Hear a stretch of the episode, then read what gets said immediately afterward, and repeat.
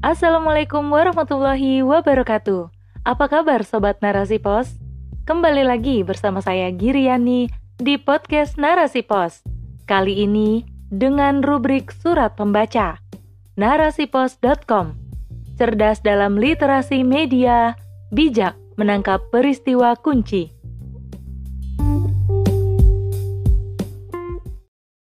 Work from anywhere demi efisiensi atau miskin solusi oleh Fitria Zakiatul Fauziah CH. Lagi dan lagi, silih bergantinya kebijakan yang ditetapkan pemerintah. PNS digadang-gadang tidak lagi bekerja dari rumah atau work from home, melainkan bisa bekerja dari mana saja atau yang disebut dengan work from anywhere. Pengamat kebijakan publik, Trubus Rahardiansah berpendapat bahwa rencana kebijakan work from anywhere bisa berakibat pada tunjangan untuk PNS. Tetapi di sisi lain, pengeluaran APBN akan lebih terjaga dan efisien. Efisien dalam arti anggaran, karena PNS tidak harus ke kantor, maka otomatis alokasi uang untuk tunjangan dalam bentuk uang lembur akan lebih berkurang.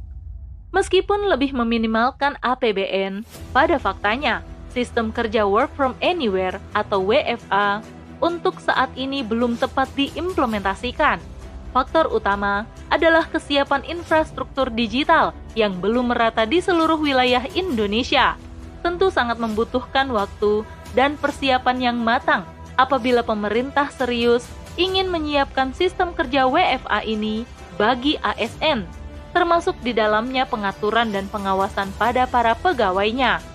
Jika ingin menerapkan WFA dalam jangka panjang, maka harus ada kebijakan yang jelas, yakni mekanisme prosedur dan sanksi, sehingga tidak akan terjadi ketidakadilan antara ASN yang bekerja dan tidak. Ada apa di balik WFA?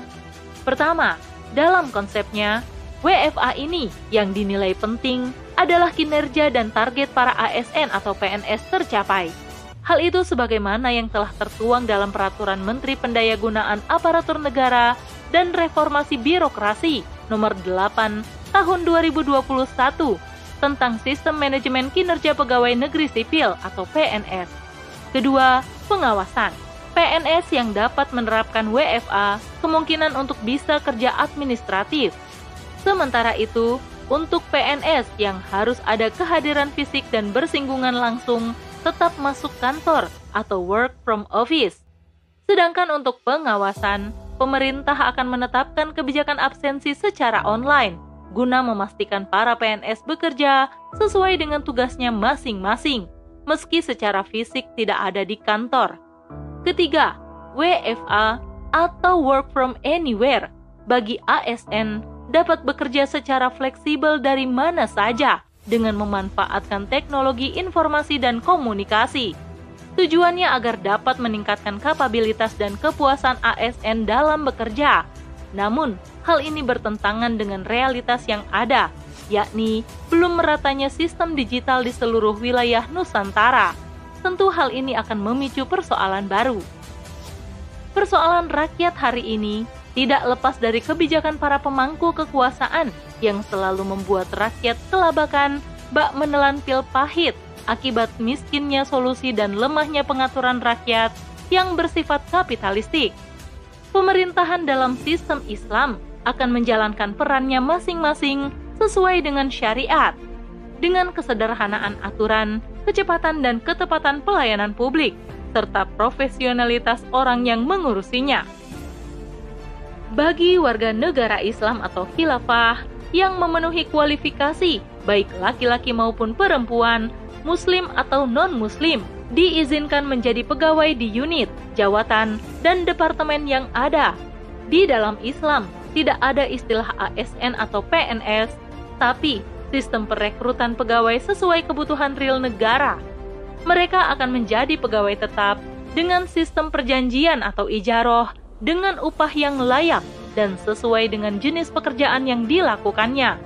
Sehingga pegawai akan fokus pada pekerjaannya, tidak disibukkan dengan hal lain yang akan menghambat pelayanan publik dalam tubuh negara Islam.